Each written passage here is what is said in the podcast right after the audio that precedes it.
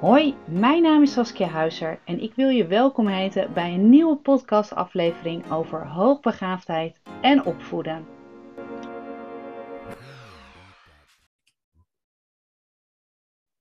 Leuk dat je weer luistert naar een nieuwe podcast rondom hoogbegaafdheid en opvoeden.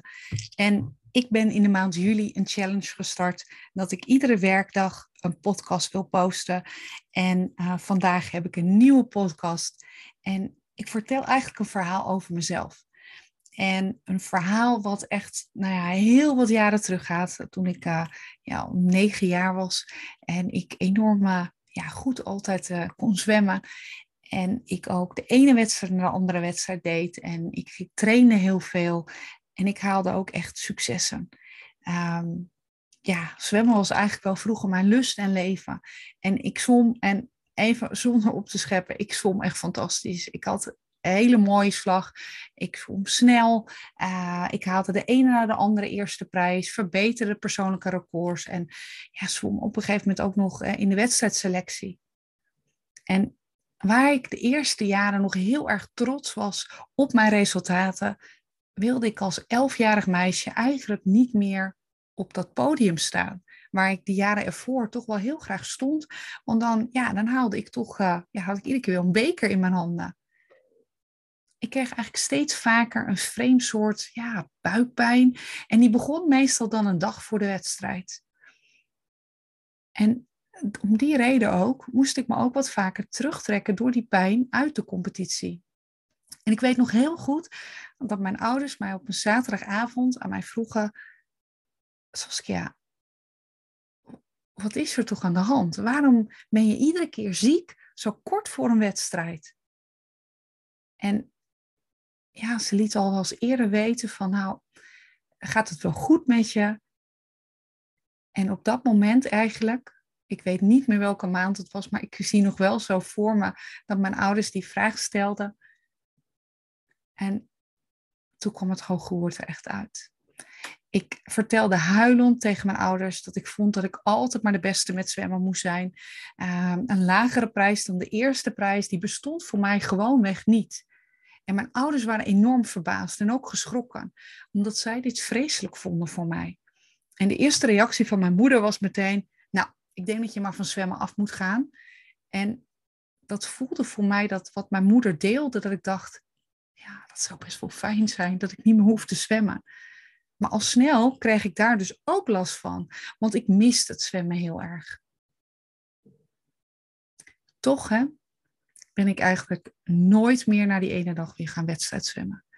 Um, ik zwem nog heel graag. En um, als ik het doe, dan zeggen mijn man en kinderen ook altijd: Je haalt ons altijd in, terwijl ik nou niet een enorm goede conditie heb. Maar ik zwem ze er zo weer uit. En het lukt me ook heel snel weer om de juiste slag te krijgen en te vinden toch hè, heb ik, als ik achteraf erover nadenk, nooit helemaal de precieze reden kunnen achterhalen. Ik ben gewoon eigenlijk het zwemprobleem uit de weg gegaan. En ja, verder gegaan met wat ik wilde doen. Maar ergens had ik ook wel een probleem. Want ik had mezelf, of tenminste, ik had de lat heel hoog voor mezelf gelegd. En ik zou het bij mijn eigen kinderen ook zelf niet zo doen. En dan heb ik niets te naleven van mijn ouders. Hè? Want mijn ouders hebben dit ja, die hebben echt voor mij toen ook het beste gedaan en de, ja, de beste keuze, denk ik, ook ergens gemaakt.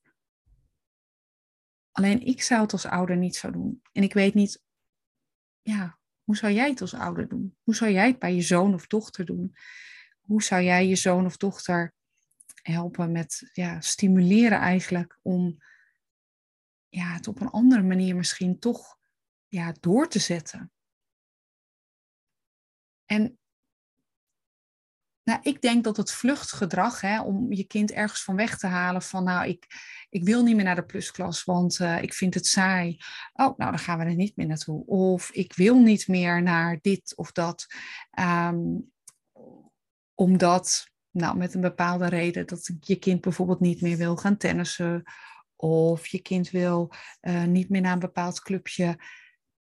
Er kan natuurlijk echt een reden zijn, hè, want dat, dat wil ik zeker niet uh, anders maken of anders vertellen.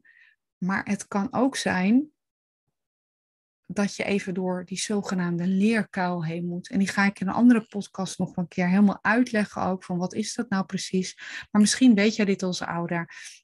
In het korte even, ehm, je kan heel makkelijk dingen uit de weg gaan, maar je kan dingen ook aangaan. En dan moet je soms een kuil in en dan moet je soms jezelf tegenkomen en bedenken van hoe kom ik er uiteindelijk weer uit om uiteindelijk ook mijn doel te halen. Want het vluchtgedrag helpt je kind niet. En misschien herken je dit ook bij jezelf. Het helpt je uiteindelijk echt niet.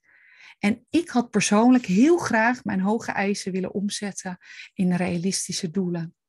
En een van die doelen was vast en zeker geweest dat ik ja, had leren doorzetten. Ehm, dat ik misschien leerde omgaan met niet alleen maar succeservaring in eerste prijzen. Maar wat dan wel? Nou ja, eigenlijk er zijn heel veel manieren hoe je hier als ouder of als leerkracht mee om kunt gaan. Als jij een leerkracht bent en deze podcast luistert. Ehm, en in mijn begeleiding geef ik ook heel veel, uh, geef ik ouders ook uh, passende tips ook, die dus ja, passen bij de situatie van, van je gezin of bij je kind. En dat kan ik nu natuurlijk niet doen, dat kan ik alleen maar in een één op één sessie doen. Um, maar wat ik je wel wil meegeven, een algemeen advies.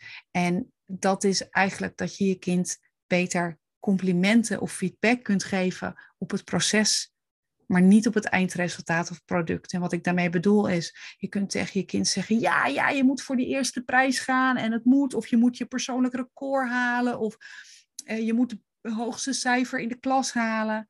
Nee, je kunt je kind ook een compliment geven over het feit dat je kind zich zo hard heeft ingezet.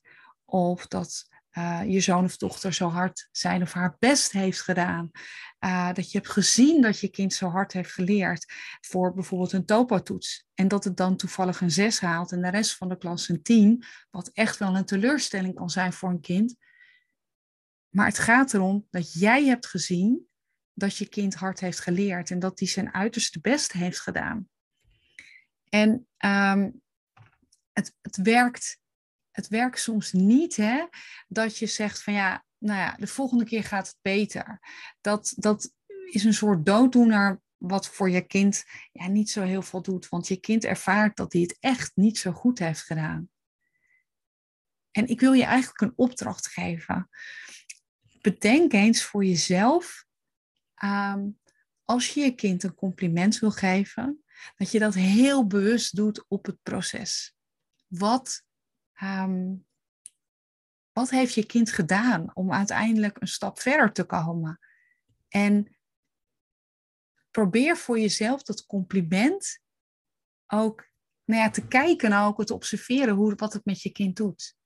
En als je denkt van ja, ik wil dat eerst even oefenen, geef jezelf eens aan het einde van de dag, iedere dag een compliment over iets van het proces wat jij op je werk hebt uh, uh, ja, doorstaan of, of meegemaakt. Of op de opleiding misschien die je volgt.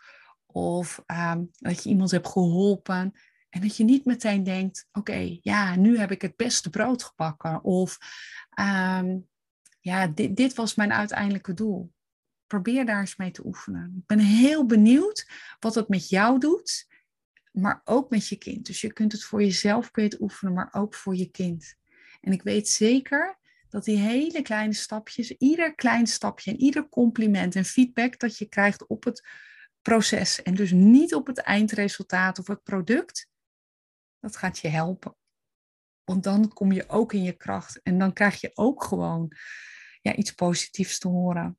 En dat hele kleine beetje helpt al nou, mocht je geïnteresseerd zijn en mocht je meer tips willen, um, willen krijgen voor jouw kind, voor jouw gezin, om dingen anders te krijgen, om um, ja, meer uh, in evenwicht te komen, dan mag je altijd contact met me opnemen. Ik bied één op één trajecten aan, die staan ook op mijn website, het Oude Krachttraject. En daarin ga ik in drie maanden tijd ga ik met je aan de slag om uiteindelijk te kijken hoe ik jou maar ook je hoogbegaafde kind of je gezin kan ondersteunen om uiteindelijk ja, meer zelfvertrouwen te krijgen en om je ook gelukkiger te voelen en ook ja, in alle opzichten zeg maar eh, blijer te zijn. Kijk dan op mijn website www.saskiahuizen.nl voor meer informatie. En je mag me natuurlijk ook altijd via Instagram een berichtje sturen. Dat zou ik super leuk vinden. Dankjewel dat je vandaag hebt geluisterd en wie weet, tot een volgende keer.